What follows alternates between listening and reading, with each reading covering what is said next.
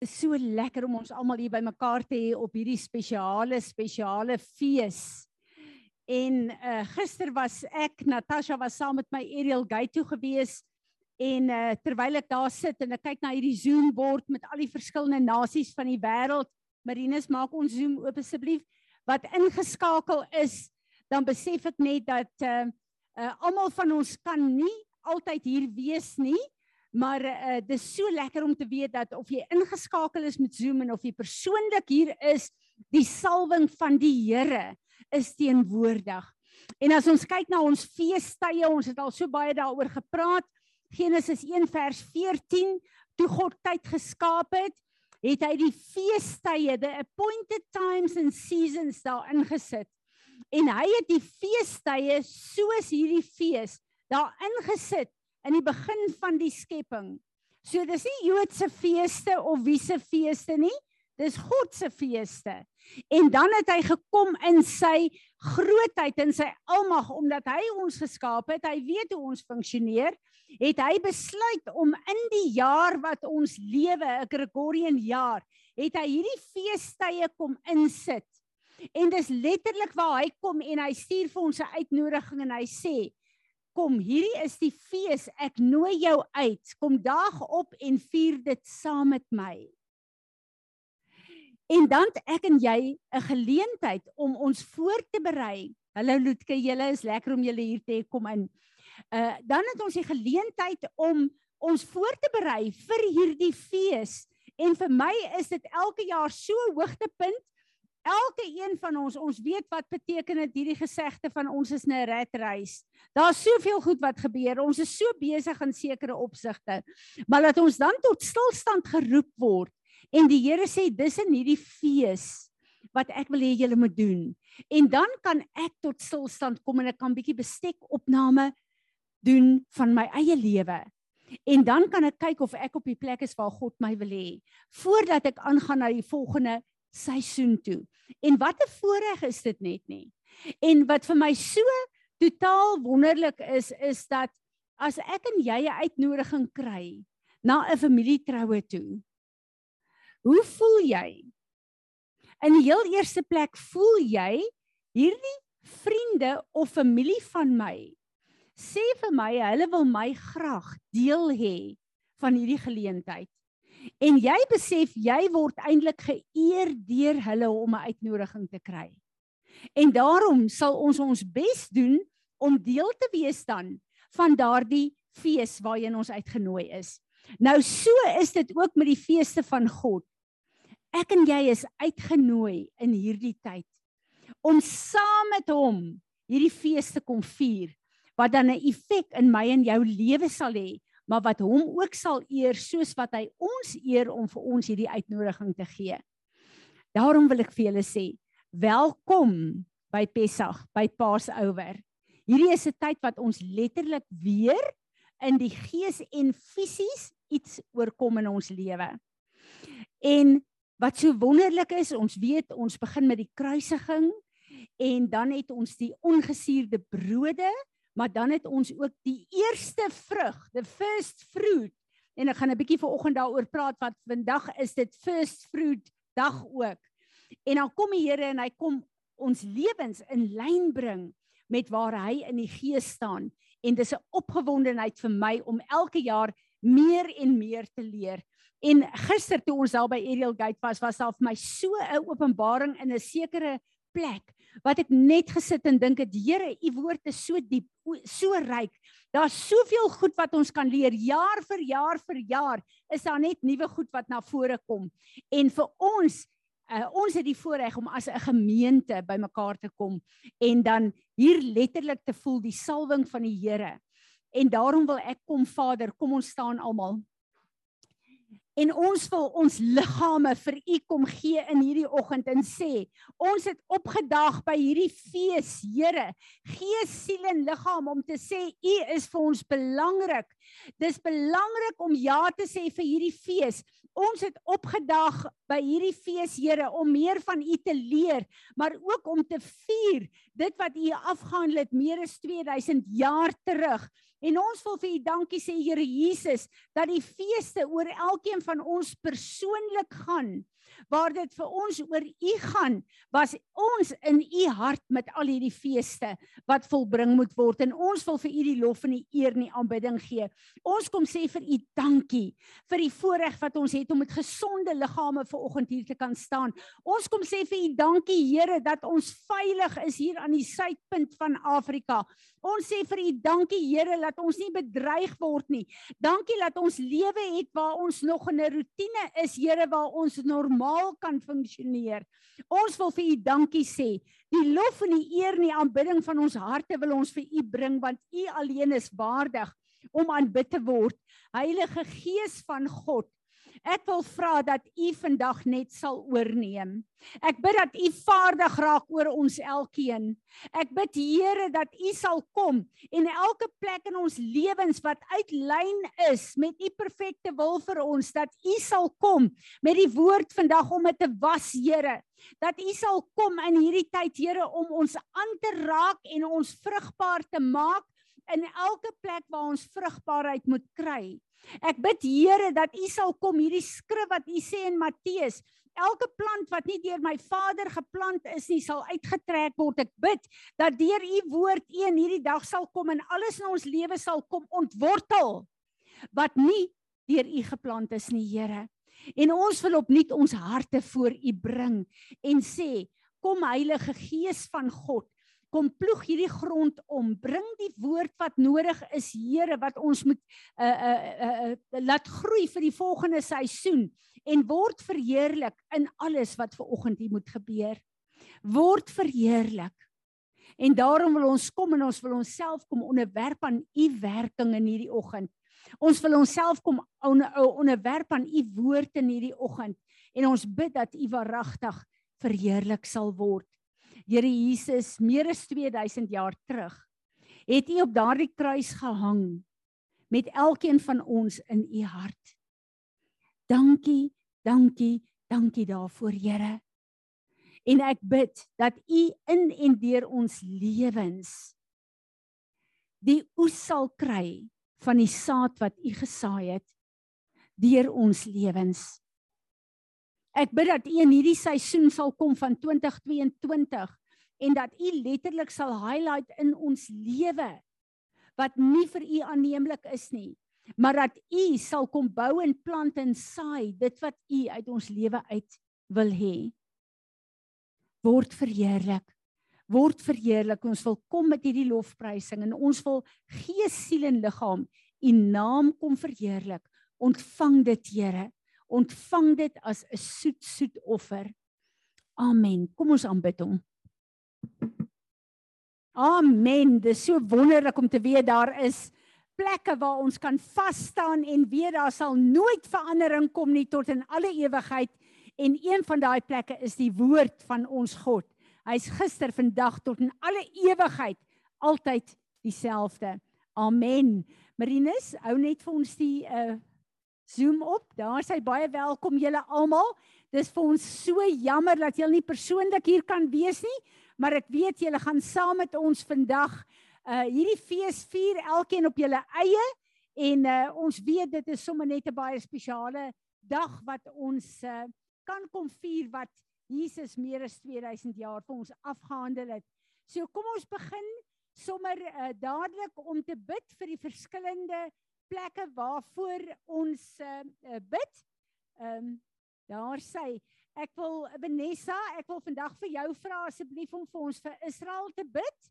En eh uh, Karika, ek wil vir jou vra om vir ons vir Suid-Afrika te bid. En Natalie, sal jy vir ons asseblief vir Amerika bid? Kom ons bid.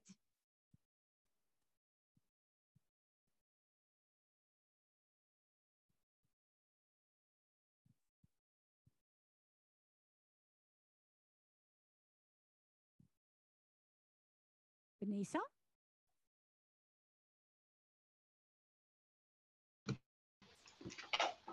Ekskuus, môre môre. Môre.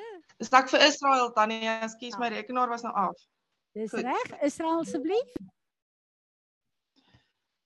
Here, ek bid vir hulle dat die bedekking wat oor hulle hart is, sal afval. Deurdat hulle Christus erken as die een wat die bedekking kom vernietig het. Here, U het beloof om U oor Sion te ontferm, want dis tyd om haar genadig te wees, omdat die bestemde tyd gekom het. Here, ek bid dat Israel wat oor die aarde verstrooi is, weer sal vergader en soos 'n herder sy kudde bewaak onder U sorg kom. Here laat almal wat Sion haat beskaamd staan en agteruit wyk. Here net soos daar rondom Jerusalem berge is, moet U rondom U volk wees tot in ewigheid. U sal nie U volk ter wille van U groote naam verwerp nie, omdat dit U behaag het om vir U 'n volk te maak. Daarom is dit ver van my dat ek teen en u sal sondig dat ek sal ophou om vir hulle te bid. Here vernietig die raad van die nasies en verydel die gedagtes van die volke wat kwaad teen Israel bedink. Here, maak u gunsbewyse vir die volk wonderbaar en bewaar hulle soos 'n oogappel. Verberg hulle in die skaduwee van u vleuels teen die goddelose volke wat haar geweld wil aandoen en teen die doodsvyande wat haar omring. Here, dankie dat U vir Israel is en haar bewaar het en haar van haar vyande vrygemaak het en dat haar hulp van U is. U wat hemel en aarde gemaak het. Amen. Dankie Vanessa, Karika, Suid-Afrika asseblief. Mamma Karika sê haar mic werk nie. Ek sal sommer gou bid vir Suid-Afrika. Baie dankie. Here, baie dankie dat ek kan kom en vir Suid-Afrika kan bid, Here. Here, dit is ons vaderland, dit is ons land waar ons gebore is, dit is ons land vir wie ons ongelooflik lief is, Here. En daar's so baie dinge wat verkeerd gaan in Suid-Afrika, Here. My hart is baie seer oor hierdie mense in Natal wat soveel um wat so so devastating ramp beleef op hierdie stadium, Here. Mense wat hulle lewens verloor het, wat geliefdes verloor het, Here, wat alles verloor het. Here, ek bid dat U asseblief sal kom in U groot genade en sal voorsien in elke behoefte en elke nood wat hierdie mense ervaar daar, Here. Maar bo alles, Here, dat hulle in hierdie krisis U sal vind, Here, en sal besef dat hulle hulp kom van U af en dat ehm um, U is die enigste persoon wat vir hulle kan help en um, kan deurdra deur hierdie krisis. Here, ek bid vir elke leier in Suid-Afrika, Here. Ek bid dat U die mense wat korrup is, Here, wat nie U dien, Here, dat U hulle sal verwyder en hulle sal vervang met goedvreesende mense en dat mense se harte sal draai na U toe, Here. En dat Suid-Afrika 'n land sal wees wat U sal dien met alles wat hulle het, Here. Dankie vir Afrika, Here. Dankie vir al die um blessings wat U vir Afrika gee. Here, dankie vir die planne wat U vir Afrika het. Ek bid Here dat U planne tot vervulling sal kom in Afrika, Here. Dankie dat ek vandag hier vanuit Engeland my vaderland aan U kan opdra. Amen. Dankie Riet. Uh, Natalie.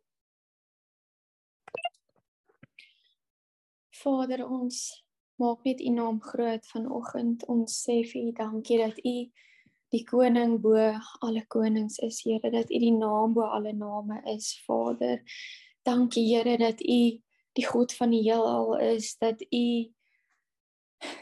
Here, thank you that you are seated on your throne, Here.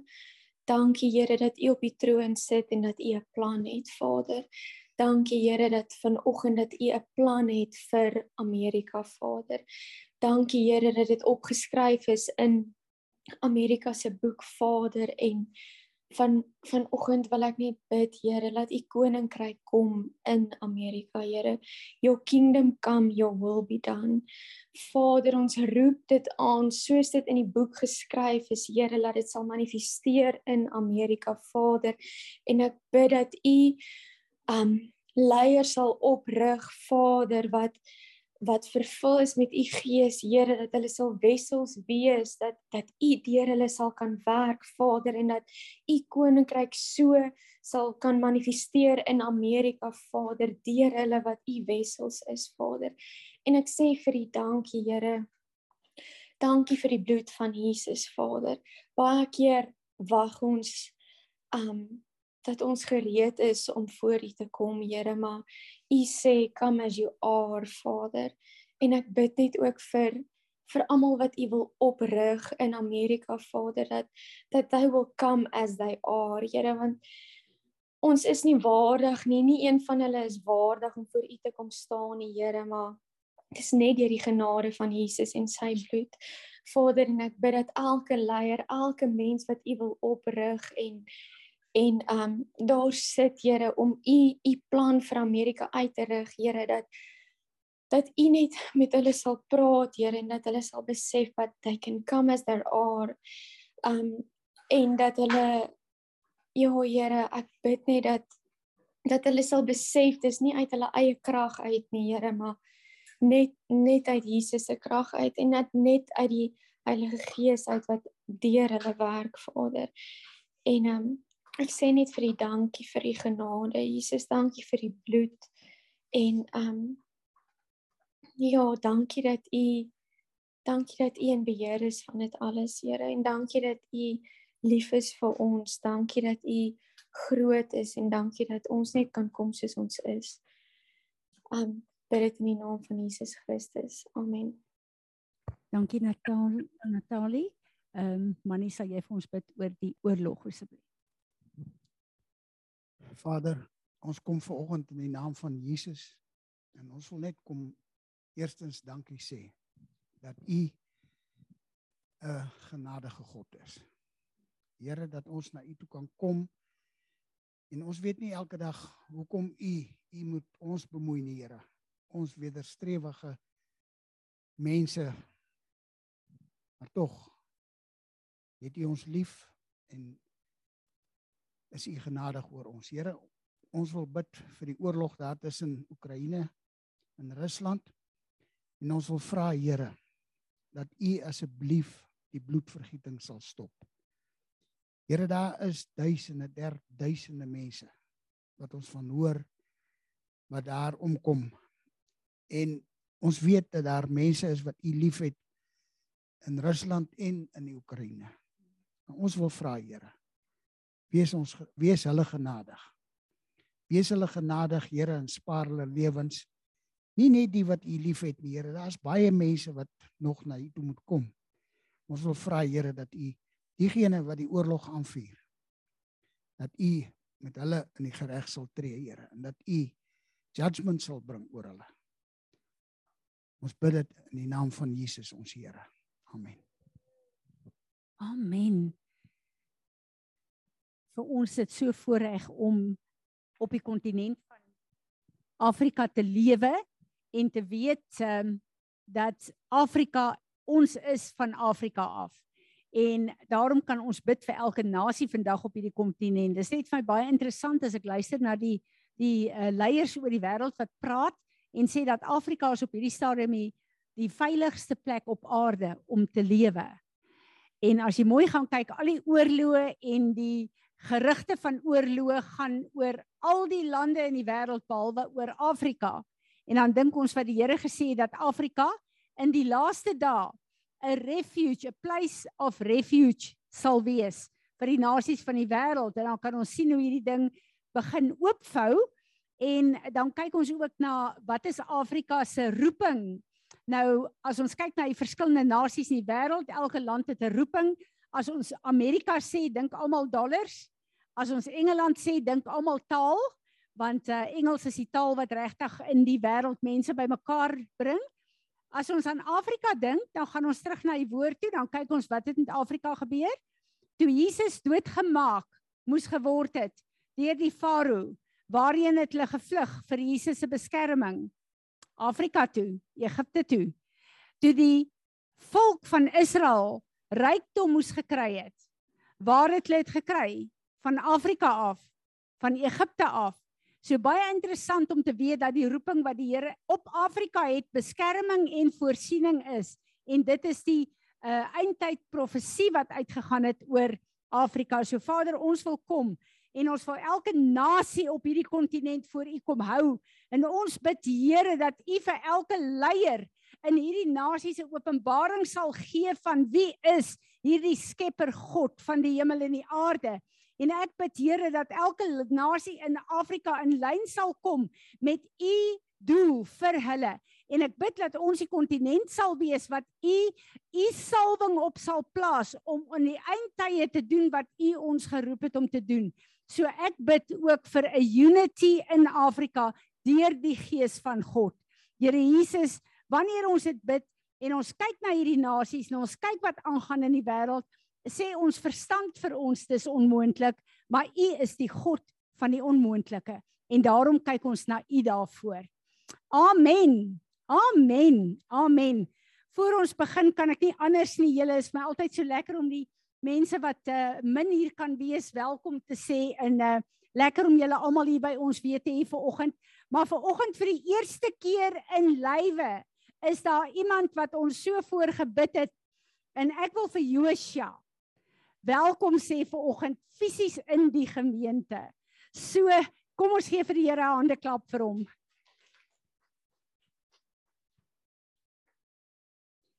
Hy is my letterlik in hierdie seisoen in hierdie jaar 'n kragtige teken van oorwinning in die Here en ek eer die Here vir wat hy gedoen het in daai 'n uh, eh, klein ding van ons se lewens. Wie van julle het 'n woord, 'n skrif of 'n visioen of drome gehad die afgelope tyd? Dankie Marinus.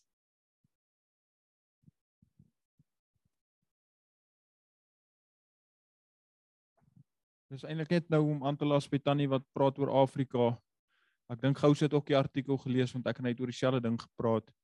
Een van die bekende besigheidsouens, ek kan nou nie onthou wat wie se ou nie, het 'n artikel geskryf oor oor eintlik het hy gesê dat in Switserland werk alles. Daar's niks verkeerd nie. Alle stelsels werk 100%. Hy sê maar daar is geen geleenthede nie. En die opmerking wat die ou maak is in Suid-Afrika is die geleenthede en dit was nogal vir my interessant en as jy bietjie die die die business insider en die besigheidsartikels leef begin al hoe meer van die ouens te praat oor die geleenthede wat daar is in Suid-Afrika spesifiek. Ja, ek voel regtig dis wat die Here ons wil op laat fokus. Ons kyk na die verkeerde omstandighede en ons laat toe dat dit ons posisioneer waar hierdie 'n land van geleenthede is. Tannie, ek het net iets gesien en ek weet nie hoe om dit te verwoord nie, maar ehm um, ek sien die bloed van die Here weet jy of dit vir nou of daar's 'n tydperk wat ons nou in is waar die bloed van die Here die ons sonde nee ek weet nie wat te sê nie maar hy ehm um, maak ons invincible dit wat ons doen vir Satan dat hy dit nie in die hof kan inbring nie. Wow.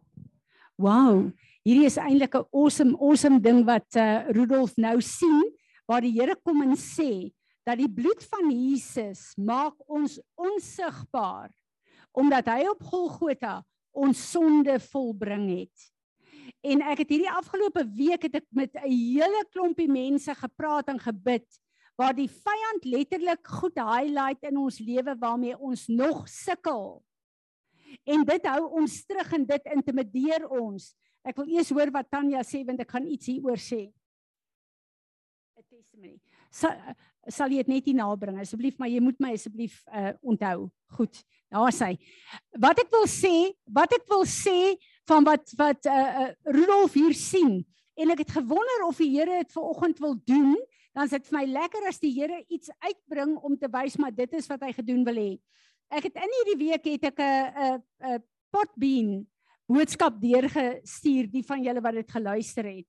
Maar ons kom so baie voor die Here, dan sê ons Here Romeine 12 vers 1 Ek is 'n lewende offer Ek wil nie dit nou lees weer nie, julle kan dit gaan lees. Ek is 'n lewende offer vir u. En wat Rudolf daar sien, elke een van ons het goed in ons lewe wat nog nie reg is nie. Of is dit net ek? Wat beteken daai skrif? Wat beteken dit vir ons om in 2022 die afgehandelde werk van meer as 2000 jaar terug wat eintlik gebeur het voor die grondlegging van die wêreld in die hemel toe die lam geslag is. Dis iets wat nie kan verander nie. Dis ek en jy kan niks wegvat of byvoeg nie. Dis 'n afgehandelde volmaakte offer en 'n werk van die Here. Maar wat beteken dit dat ons hierdie fees vier in 2022? Presies wat Romeine Romeine 12 vers 1 sê. Ek en jy kom klim op die altaar en sê Here, hier is ek. Ek wil u offer wees. 'n Altaar is 'n plek waar daar 'n interaksie is met die God wat jy dien. Maar jy bring 'n offer. So iets moet sterf, moet doodgaan van jou. Wat gaan dan van my en jou dood in 2022? Al daai goed wat ek en jy mee sukkel. Die goed wat ons nog sukkel mee waar ons nog nie oorwinning het nie. Ons bring dit opnuut na die kruis toe en sê Here, hierdie is deel van die ou natuur van Fransie van Wyk. Ek wil nie hê dit moet langer lewe nie. So ek wil kom en ek wil u offer wat afgehandel is. Ek wil my my op die kruis lê en ek wil vra dat hierdie gekruisig sal word, dat hierdie sal sterf die jaar sodat ek kan opstaan as 'n lewende offer vir U. En ons is nou vandag in first fruit celebration en ek gaan net nou meer daaroor praat. Wat eintlik die opstanding is van Jesus Christus. En wat vir my so amazing is van hierdie hele konsep, ek sit ver oggend by die Here en ek dink aan ons ou natuur en ons nuwe natuur en hoe stryd dit ons? Dit wat Paulus ook gesê het, dit wat ek moet doen, dit doen ek nie. Dit wat ek nie moet doen nie, dit doen ek nog. Help my, wees my genadig. Waar hy hierdie stryd gehad het wat ek en jy ook hierdie stryd het. Maar as ons kyk na wat gebeur het op die kruis van Golgotha. Jesus het gekom, hy het as 'n fisiese mens kom lewe, net soos ek en jy, in hierdie wêreld waar daar sonde is. Die verskil tussen hom en my as mens is hy het nooit gesondig nie. Want hy moes die volmaakte offer geword het. Nou hy het gesterf. Dis baie interessant dat die woord sê dat jy moet letterlik in die grond val en sterf om weer na vore te kan kom, nê? Nee, 'n Saad val in die grond en sterf. Jesus het gesterf op Golgotha. Hy is begrawe. Wat beteken die opstandingskrag? Dit beteken dat Jesus is die eerste wat uit die dood uit opgestaan het. Hy is die eerste vrug. Maar kyk 'n bietjie na die simboliek hiervan. Ek en jy is deur God geskape uit die aarde uit. So ek en jy Die eerste Adam is uit die grond, uit die aarde uitgevat en geskape. Die laaste Adam het gesterf en hy's weer uit die aarde uit na vore geroep. Maar hy het in oorwinning opgestaan want hy die dood, dit wil sê die sonde oorwin. En omdat hy dit gedoen het, staan ek en jy vandag in hierdie first fruit dag. En ons kom en ons kom eer God op hierdie dag want wat is die eerste vrug beginsel? Ek gaan nou 'n paar skrifte lees, maar die belangrikste vir my is Efesiërs 1 vers 14. Kom ek lees dit gou vir ons. The Spirit is the guarantee, the first installment, the pledge, the foretaste of our inheritance until the redemption of God's own purchased possession, his believers. Hy kom en hy sê Jesus is die eerste vrug. Die eerste vrug beteken as ek en jy dit verstaan en ons kom staan voor God en ons neem Jesus aan, is ek en jy die tweede, die derde, die wat net soos die eerste moet lyk. Die woord sê dis 'n soos 'n eerste paaiement wat betaal is. Dis soos 'n pledge, 'n verbond. Dis soos 'n voorsmaak dat soos Jesus opgestaan het uit daai graf uit en soos hy lyk, ek en jy het die vermoë om soos hy te lyk. So daai plekke waar ek en jy so sukkel om ontslae te raak van senige is sekere goed. Kom ons tree terug in die volmaakte afgehandelde werk van Jesus Christus. En ons hou op dat omstandighede letterlik met ons jou jou speel. Ek is goed genoeg, ek is nie goed genoeg nie, ek is goed genoeg, ek is nie. Dit gaan nie oor my en jou en oor ons suksesse nie. Dit gaan oor wat Jesus afgehandel het. Wanneer het hy vir my en jou gesterf? Voordat ek en jy hom eers geken het. Voordat ek en jy eers verstaan het waaroor dit gaan. Voordat ek en jy eers geweet het ons het sonde. Hy het vir ons gesterf terwyl ons op ons slegste gelyk het. Ons kon nie onsself eers regmaak om hom aan te neem nie. Ons moet hom aanneem sodat hy ons kom regmaak. Jesus Christus is die eerste vrug.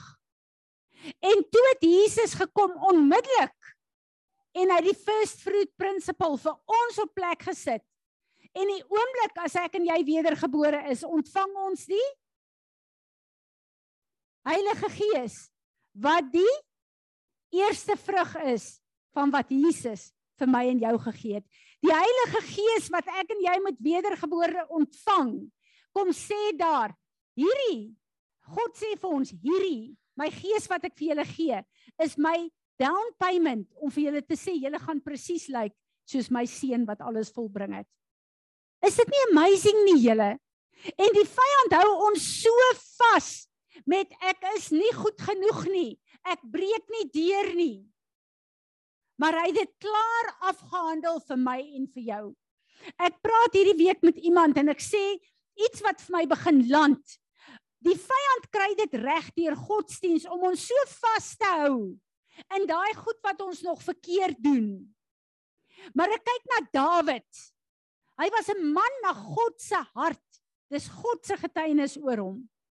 Dawid is volgens ons standaarde hier nie 'n great ou gewees nie.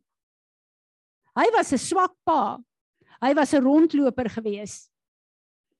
Hy was 'n 'n man gewees wat jy nie op staat kan maak nie. Hy was disloyaal teenoor sy vriende gewees tot so mate dat hy uh, hulle sal laat doodgaan. Hy sê dit nou maar 'n rugsteker. Hy het Uria in die rug gesteek en uh, Uria is dood daarvan. Verstaan julle? In dit wat ons bepaal wat reg en verkeerd is en selfs die woord bepaal wat reg en verkeerd is, is Dawid nie 'n groot man gewees nie want hy het baie sonde in sy lewe gehad. Maar Dawid het sy hart aan God verbind. Dawid was 'n verhouding met God. Dawid het geweet as hy droog gemaak het om na God toe te gaan en te sê Here, ek het dit gemis. Ek het U nodig. Dawid het homself die heeltyd aan God verbind. En dis wat God van my en jou wil hê. Nie ons goeie werke en al daai pogings om te wys hoe goed ons is nie. God het ons harte nodig, net soos ons is. En wanneer ek en jy ernstig kom en ons harte vir hom gee, gaan ons so verlief raak op hom dat ons hom gaan wil behaag. Ons gaan wil wees soos hy wil hê ons moet wees. Maar is vir my asof wat 'n mens die kar voor die perde wil insit. Ons wil onsself nog steeds gereed maak vir die Here om vir hom aanvaarbaar te wees. Nee, Hierdie dag beteken Jesus wat op Golgotha vir my en jou die prys betaal het sonder dat ek en jy iets gedoen het om dit te verdien. Was bereid om af te daal in die doderyk, om die sleutels te vat van die dood in die doderyk. Maar hy het opgestaan en ons moet 'n ding mooi onthou, Jesus is die weg, die waarheid en die lewe. En selfs in sy dood was hy die weg, die waarheid en die lewe. Hy het vir my en jou 'n pad gemaak. En hy het alles oorwin en hy het opgestaan. So ek en jy het daai opstandingskrag van hom in ons deurdat ons die Heilige Gees as die eerste vrug ontvang het. En sy naam in die Nuwe Testament is die Heilige Gees. Want dis sy funksie Hy moet my en jou heilig en reinig. Hou op om jouself te heilig en te reinig. Dit werk nie. Dit gaan nooit werk nie. Want jy het nie vermoë om daai offer te bring nie. Jesus het dit klaar gedoen. Ek en jy moet in daai verhouding met hom instaan, met Vader instaan waarvoor hy gesterf het. En ons moet weet as 'n mens kyk na die Ou Testament, dan kyk jy na al hierdie verskillende offers wat gebring is. En ek dink ons moet 'n goeie studie daarvan ook maak want ek besef nie die rykdom daarvan. En dan kyk 'n mens na offers. Dan kyk jy na uh, die verskillende offers wat hulle gebring het. En hoe die Here kom en sê, kom in my teenwoordig in met uit in met thanksgiving and praise. Hoekom het God dit gedoen? Hoekom moet ek en jy daai offers bring? Dis 'n baie baie interessante ding. As jy kyk na die Ou Testament, as jy kyk na die die die Israeliete wat deur die die uh, woestyn getrek het, dan het hulle volgens hulle stamme getrek in die woestyn. En daai stamme het elkeen 'n banier gehad. Daar het u sê die baniere, daar agter in al daai mosaïek is die baniere van die verskillende stamme wat opgerig is voor elke stam. En so het hulle getrek. En as jy gaan kyk op die internet net sien jy die formasie wat God gesê het hulle moet intrek, was die kruis van Jesus. So elkeen is God afkyk vir hierdie balhoorige Israeliete wat so gekerm en gekla het, dan het hy die kruis van sy seun gesien en sy toring het nie ontvlam om hulle uit te wis nie. God het homself herinner aan die kruis van Jesus wat kom terwyl die Israeliete moet kom op die plek waar hulle moet kom. En Jesus was in God se voor God se aangesig die heeltyd. Maar nou kyk ons na die offers wat hulle moes gebring het. Hoekom is daai offers gebring?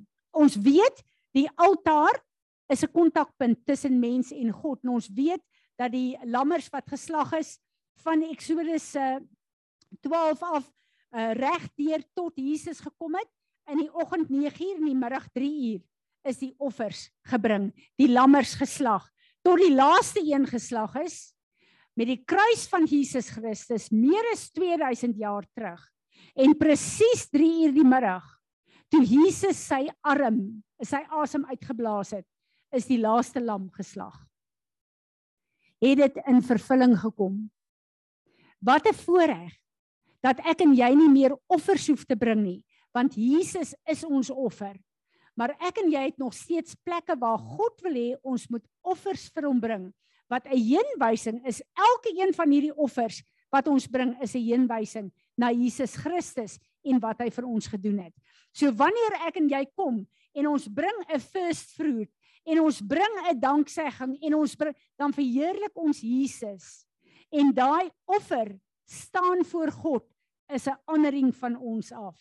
So ek en jy kom en ons bring hierdie offers wat hy vir ons 'n opdrag voorgee en uh dit wat uh, die geestelike commodity, dit wat hierdie offer beteken, kom in werking in die gees op die manier wat God bedoel het dit moet kom.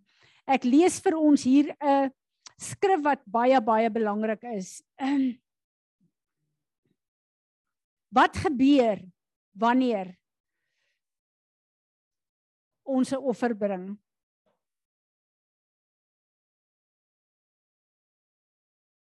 Ekskuus julle, ek wil net gou hierdie skrif kry. Wat gebeur in die gees wanneer ek en jy die offer bring? O land, ek het dit nie opgeskryf nie. Onthou julle toe uh die engel van die Here gekom het na Samson toe. En hy het vir Samson vir Samson se maanpa, Manoa, uh is sy naam, gesê ehm um, hulle gaan 'n seun hê. Toe sê Samson se pa vir sy vrou, kom ons berei 'n offer voor en ons bring hierdie offer. So wanneer die Here kom en vir jou iets sê, dan bring jy 'n offer om te sê Here, ek aanvaar dit wat U vir my sê. En die skrif daar sê dat terwyl daai offer gebrand het, het die engel in die vuur rook opgegaan terug hemel toe in daai offer. So letterlik is dit 'n verbintenis. Uh, hulle praat van 'n staircase tussen hemel en aarde. Dit is die vermoë wat ons offers het Dis letterlik waar ons kom en 'n verbintenis tussen ons en God plaas. Dan kom die Here met die first fruit waarna ons nou staan. En hy sê Levitikus 23 vers 10 en 11 When you have come into the land which I give you and reap its harvest then you are to bring the omer of the first fruits of your harvest to the Cohen dit is die priester. He is to wave the omer before for Adonai to be accepted for you. Uh Spreuke 3 vers 9 Honor the Lord with your wealth and with the first fruits of all your produce. 1 Korintiërs 15 vers 20 die belangrikste van first fruit.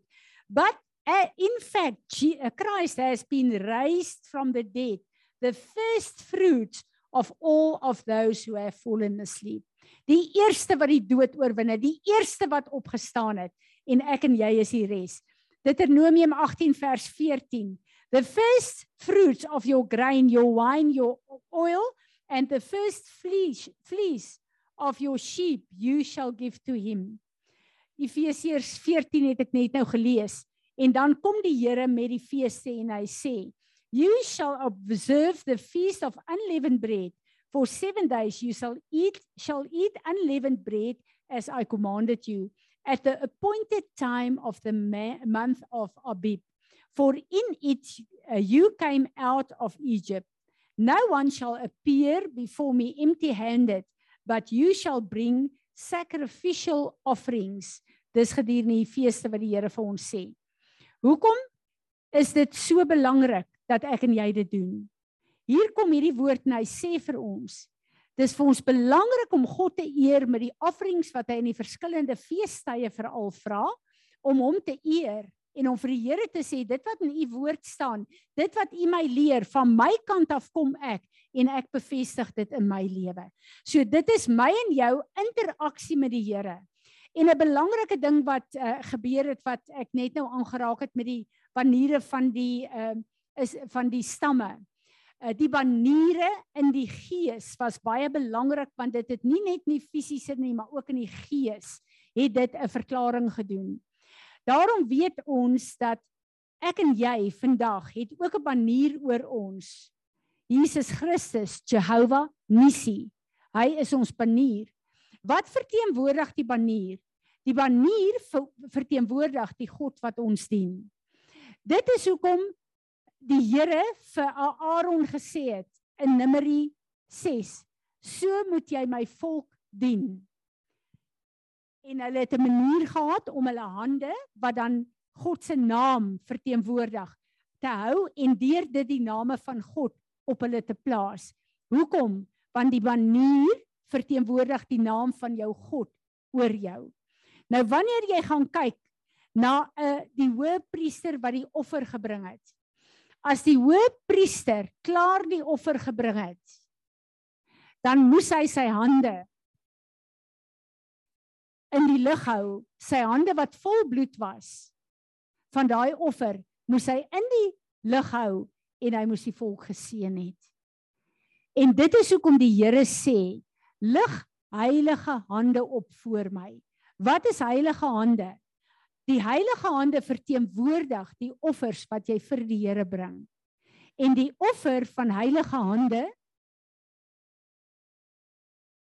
beteken wat het gebeur toe Jesus voor Jesus sy asem uitgeblaas het. Dit is volbring, dis klaar. So wanneer ek en jy kom en ons kom lig heilige hande voor God op, dan verklaar ek en jy Jesus Christus het alles volbring en daarom het ek nou die reg om my hande op te hou as heilige hande want hy het my hande geheilig en gereinig. Is dit nie amazing nie? Dis vir my so 'n 'n absolute wonder om te sien wat Jesus gedoen uh, het op Golgotha en hoe God gekom het en vir ons deur die feeste maar deur alles wat moet gebeur sê hoe moet ons hom dien? En hoe ek en jy hom dien is nie sommer net rituele wat ons doen nie. Dit het 'n implikasie in die gees en 'n kragmanifestasie in die gees. En soos ek en jy hom gehoorsaam en dit doen, is daar letterlik 'n skuif in die gees oor ons. Die Here het gekom en hy het in sy woord gesê: Seisoene sal nooit op aarde verbygaan nie. Dis een van sy beloftes vir ons. Maar soos wat ons seisoene het op aarde wat ons as 'n boerdery gemeenskap baie baie goed verstaan. Daar's seisoene van plant, seisoene van oes, seisoene wat kom en gaan, jaar na jaar na jaar. So is daar ook geestelike seisoene wat die feeste in stand hou wat nooit gaan verander nie. Nie op aarde nie, maar ook in die ewigheid nie. Want die Here sê van hierdie hierdie seisoene dat die seisoene van God en die feeste van God gaan ons vier tot in alle ewigheid. En nou is ons by hierdie lieflike lieflike plek van first fruit maar ook van unleavened bread. Natasha het vir ons gesê 'n datum uitgegee van Dinsdag tot Vrydag. Het ek gevra dat ons as 'n gemeente sal vas. En ek het gevra dat elke een 'n 24 uur vas wat sê 6:00 die middag tot 6:00 die volgende aand sal neem.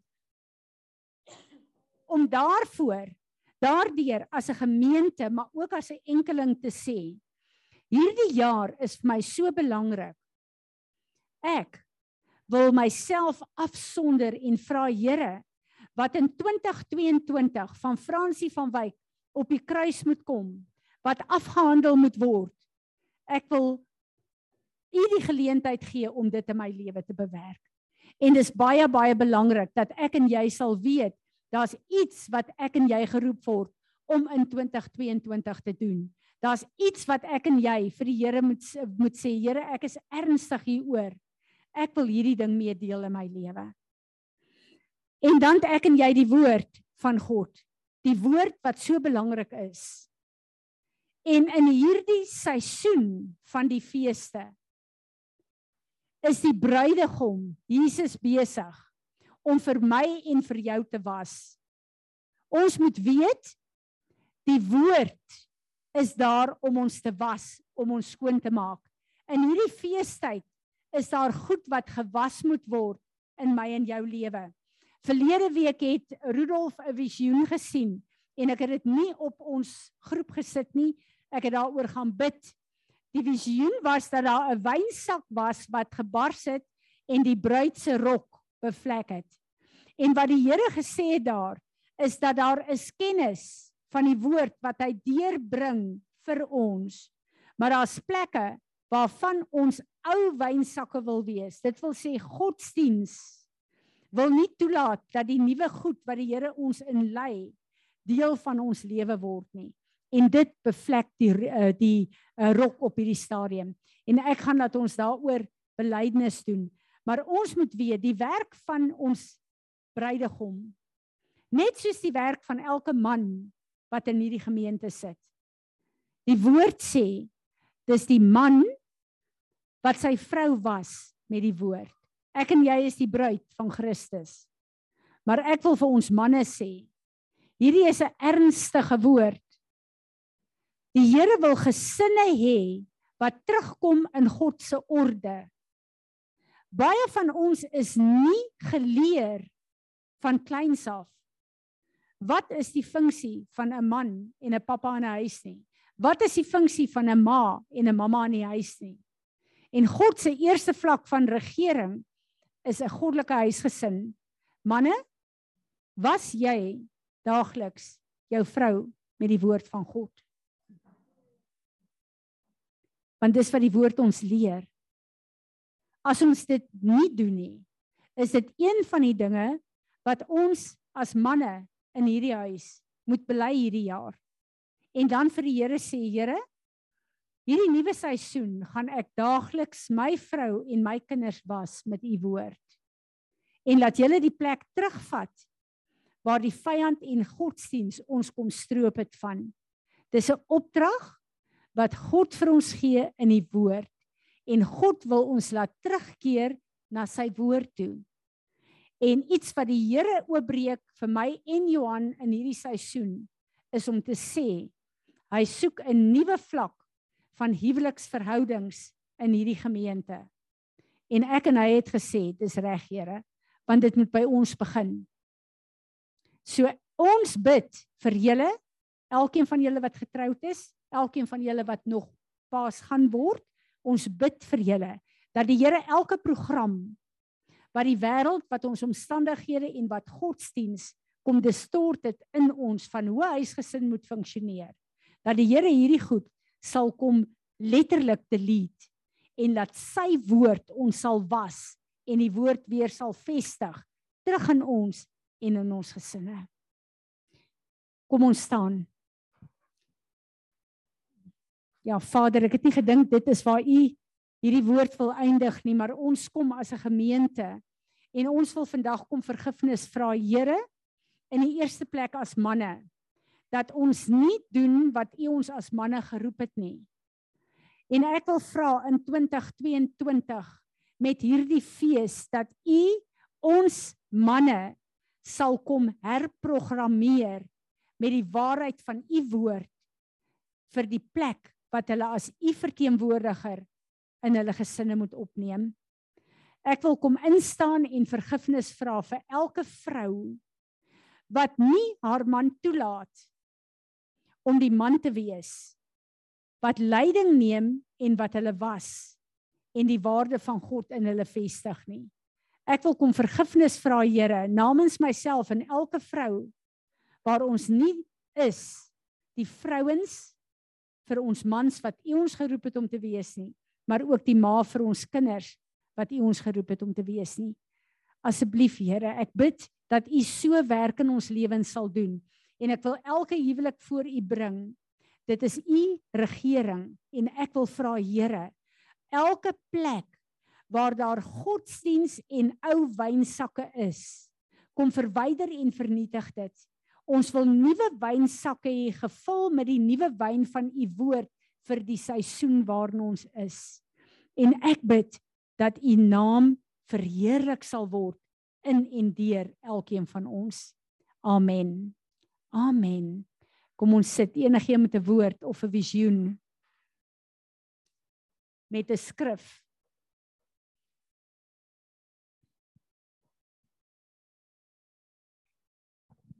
Ek het uh, met worship gesien hoe Jesus vir ons elke 'n druppel bloed kom gee. Maar dis ons keuse wat ons gaan doen. Die grace gaan ons dit aanwend in hierdie jaar wat voorlê sodat ons lewe so syne kan lyk. Hoor wat Natasha sê. Ons het elke een opnuut weer die bloed van Jesus ontvang. Hy het dit vir ons gegee, maar wat daarmee gaan gebeur in hierdie nuwe seisoen in jou persoonlike lewe is jou keuse. Ek bid dat die Here vir ons genade sal gee. Um ek het ook met worship gesien, um dis asof daar soos um toe ons gehoorship het, um asof die engele saam ook gehoorship het. En soos hulle worship, spat die bloed so oor die aarde en ek het self asof dit riviere is wat so deur ons vloei en um dit is asof ons ja, dit is net soos dit spat so met die met die worship van almal op die aarde wat dit vier saam met die engele en ja, dis wat ek gesien het. Amen. Terwyl sy hierdie visioen met ons deel, dink ek aan op 'n tyd was dit my verskriklik moeilik geweest om bloed te sien as 'n heilig rein iets want bloed het my laat gril en ek besef dat in die wêreld word bloed uitgebeeld met al hierdie moord en die doodslag en al hierdie uh, uh gruwel flieks en as iets wat jou wil wegdruk maar God het bedoel dat bloed ons moet reinig en moet heilig en dat wanneer Jesus se bloed wanneer ons dit sien is dit om ons te reinig en te heilig want die lewe is in die bloed en hy het sy lewe gegee vir my lewe. Nog iemand? Amen. Tanya, nou kan jy vir ons die getuienis uh, Rudolf.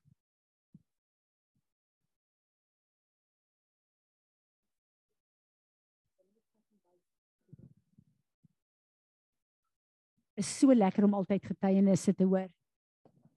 Ja, ek wil graag met julle deel. Julle weet nou almal ek was in die hospitaal 2 weke terug en uh heel eers wil ek vir julle sê, ehm um, op die stadium in my lewe is ek relatief in 'n shaking. Daar's dinge in my lewe wat die Here vir my wys en al al wat ek julle net wil bemoedig is wat die Here vir ons sê. Daar's plekke in ons lewens wat ons moet acknowledge and just to trust me beyond your own reason. Daar's plekke wat ons goed nie verstaan nie, maar om die Here te vertrou, weet. Hy weet en ons moet dit acknowledge. Man, ek wil vir julle vertel, julle almal weet COVID, hospitaal toe gaan. Ehm um, jy gaan in, jy los jou geliefde, jy kom uit. Ek en Faantjie het gegaan. Ons was seker so 20 voor 6 by Medikliniek. Uh ons het so 'n bietjie misverstand gehad want hulle 9 uur toe kom sê hulle ek word eers 5 uur gedoen die aand. En ek spreekkamer toe ek sê vir hulle nee, dis nie hoe ons gereël het nie, ons gaan huis toe hoor. En Hulle kom sê toe 10 uur, oké, okay, ek kan ingaan, saal 3 bed 7. Ek wil net vir julle sê dit wat Rudolf nou-nou gesê die Here steek vir Fanie weg daai hele dag. Hy het my bed nooit verlaat nie. Hy was saam met my in my kamer tot net na 11. Hulle het my kom haal wat vir my die beste was. Almal kry hierdie blou jurkies, ek kry 'n goudgeel jurkie met swart blommetjies op.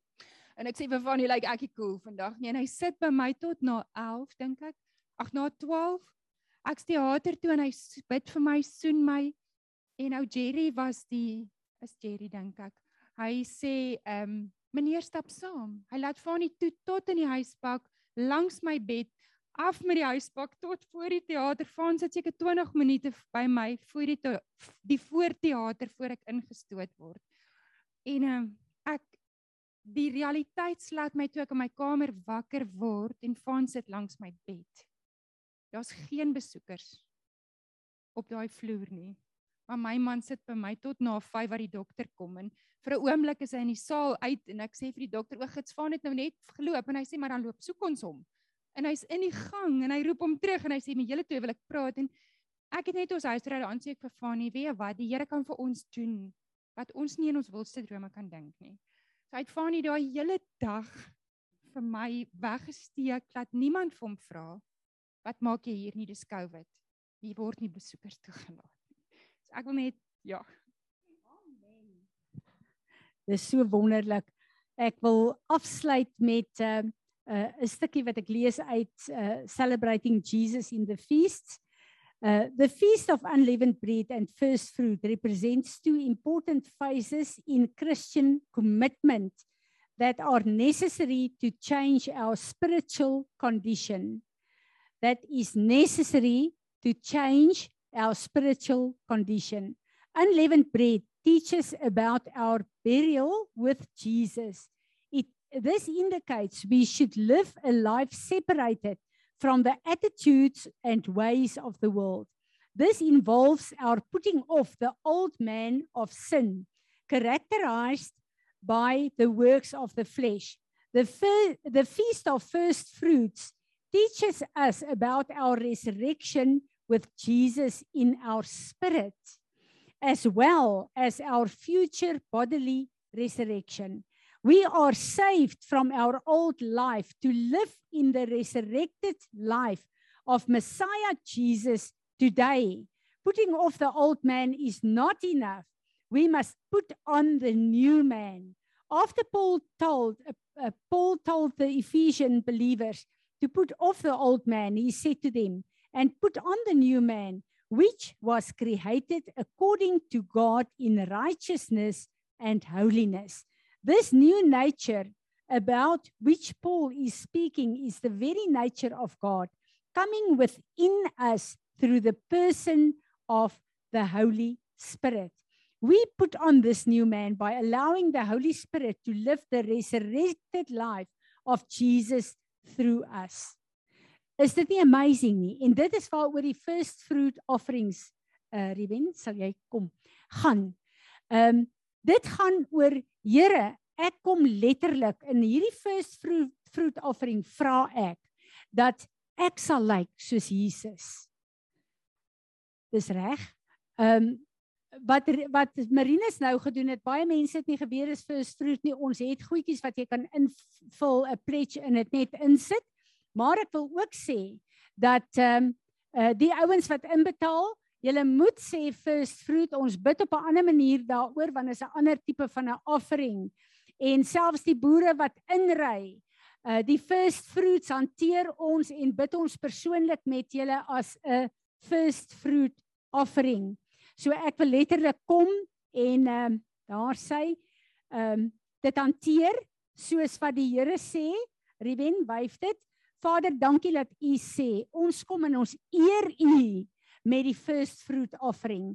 Dankie dat ons dit voor U as 'n wyfoffer bring, wyf dit Ruben as 'n wyfoffer bring en dankie Vader dat U sê dat wanneer ons die eerste bring, dan is dit letterlik 'n down payment to the rest en dankie dat ons weet Here dat soos wat ons hierdie first fruit erken as Jesus ons first fruit, U Heilige Gees ons waarborg is om ons in die karakter van Jesus Christus te laat ingroei.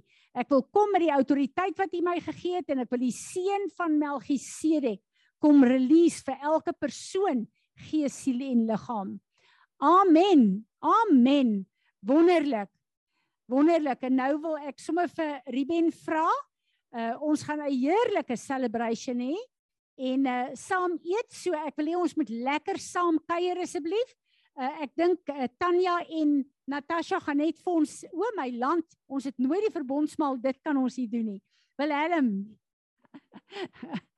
Die verbondsmaal in hierdie tyd is die belangrikste. So as Willem daarmee klaar is, gaan Natasha en Tanya gou vir ons net sê wat moet gebeur en uh uh Ruben ek gaan jou release as jy klaar is sal jy vir ons sommer bid oor die uh kos ook. Dankie.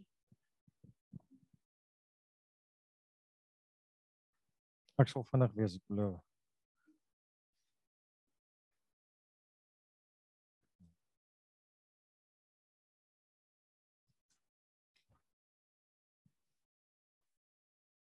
Ek wil vir ons 'n stukkie in Lukas 7 vanaf vers 36. Ehm um, Dit gaan daar, okay, and behold the woman 37 of the town who was an especially wicked sinner when she learned that he was reclining at the table in the Pharisee's house brought an alabaster flask of ointment and standing behind him at his feet, weeping, she began to wet his feet with her tears. And she wiped them with the hair of her head, and kissed his feet, and anointed them with the uh, uh, ointment, perfume. Now, when the Pharisees who had invited him saw it, he said to himself, If this man were a prophet, he would surely know who and what sort of woman this is who is touching him. For she is a notorious sinner, a social outcast devoted to sin. And Jesus replying said to him, Simon, I have something to say to you. And he answered, Teacher, say it. A certain lender of money um, had two debtors. One owed him 500 denarii and the other 50. When they had no means of paying, he freely forgave them both. Now, which of them will love him more? Simon answered, The one I take I take it for whom he forgave and cancelled more. And Jesus said to him, You have decided correctly. And then turning towards the woman, he said to Simon, Do you see this woman? When I came into your house, you gave me no water for my feet, but she has wet my feet with her tears and wiped them with her hair. You gave me no kiss, but she, from the moment I came in, has not ceased to kiss my feet tenderly and care, uh, caressingly. You did not anoint my head with cheap, ordinary oil, but she has anointed my feet with costly, rare perfume. Therefore, I tell you, her sins, many as they are, are forgiven her, because she has loved much. But he who is forgiven little loves little. And he said to her, Your sins are forgiven. Then, um, Okay, nou net vers 50. But Jesus said to the woman, Your faith has saved you to enter into peace and freedom from all the distress that are experienced as the result of sin. Nou, Tannie Frans het ook nou toevallig daaraan geraak. Um hierdie vrou was vol sonde gewees. En ek weet nie regtig of sy sy, sy het geweet wie Jesus is. Maar sy het ten spyte van haar sonde het sy gegaan en sy het gehuil en daar trane gebruik om Jesus se voete te was, haar hare gebruik om dit droog te maak. En dan het sy die olie wat sy het en um mens bietjie gaan kyk, dit was baie olie gewees. Dit was 'n waardevolle offering wat sy gebring het vir Jesus. Um wat duur was wat heel moontlike hele maand of 'n jaar se salaris was, het sy Jesus se voete mee gewas. Um en Jesus het vir haar gesê your sins are forgiven and you are saved. Nou die punt wat ek by ons wil maak is ons het altyd so baie verskonings oor hoe sondig ons is en hoe skuldig ons voel um om na om te worship.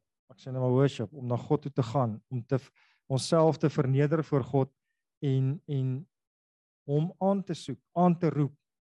Want ek het nou vandag dalk dit verloor met my arbeiders, so ek het woorde gespreek wat ek nie wou spreek nie of ehm um, ag daar's baie verskonings wat ons kan uitdink hoekom ons voel ons nie na Jesus toe kan gaan nie. En tog sê hy daai vrou was 'n sondaar en hy het dit geweet en ten spyte van dit het hy haar sonde vergewe. So deur ons eie oordeel op onsself dink ek mis ons baie keer 'n deurbraak omdat ons dink omdat ons dink Jesus kan ons nie vergewe nie. En Jesus sê in Romeine 8 vers 1 Therefore there is now no condemnation no um guilt of wrong for those who are in Christ Jesus who live and walk not after the dictates of the flesh but after the dictates of the spirit for the law of the spirit um of life in Christ Jesus, the law of our new being has freed me from the law of sin and of death. For God has done what the law could not do. Being weakened, weakened by the flesh, the entire nature of man without the Holy Spirit, sending his own Son in the guise of sinful flesh and uh, uh, as an offering for sin. God condemned sin in the flesh subdued, overcame, deprived it of his power over all who accept that sacrifice, so that the righteous and just requirement of the law might be fully met in us who live and move not in the ways of the flesh, but in the ways of the Spirit. So ja. Um ek dink dit is baie duidelik as ons in die gees leef en as ons by Jesus leef, maak nie saak as ons iets verkeerd doen nie. Dis presies wat aan die Fransie gesê het van Dawid. Hy het al die sondes in die wêreld gehad, maar hy het geweet waarheen om te gaan. En en ek sê weer, ons of ek het al die verskonings in die wêreld om te dink Jesus sal my nie vergewe nie, want ek het dit en dit en dit gedoen. En ehm um, ek nooi jou uit om oor daai skuldgevoel te kom. Want dit is 'n lieg van die vyand om vir jou te kom sê jy kan nie na die Here toe gaan omdat jy iets verkeerd gedoen het nie. Die Here is saam met oop arms altyd om jou te ontvang. Hy soek jou altyd. Vader, dankie dat ons vanmôre kan kom. En laat ons u kruisiging kan vier, maar bo dit u opstanding kan vier, Vader. Dankie vir u bloed wat ons skoon maak. Dankie Vader vir die liggaam wat vir ons gebreek is. En ek bid Vader dat ons dit sal dat U ons net sal skoon maak en dat U ons net sal lei in alles asseblief Vader. En ons wil net U loof en U prys en vir U dankie sê. Daar is nie woorde om vir U dankie te sê nie Vader. Vergewe ons waar ons onsself nie kan vergewe nie. Vergewe ons waar ons dink ehm um, U kan ons nie vergewe nie Vader. Dankie dat U sê in U woord U sal ons altyd vergewe as ons net na U toe kom. Amen.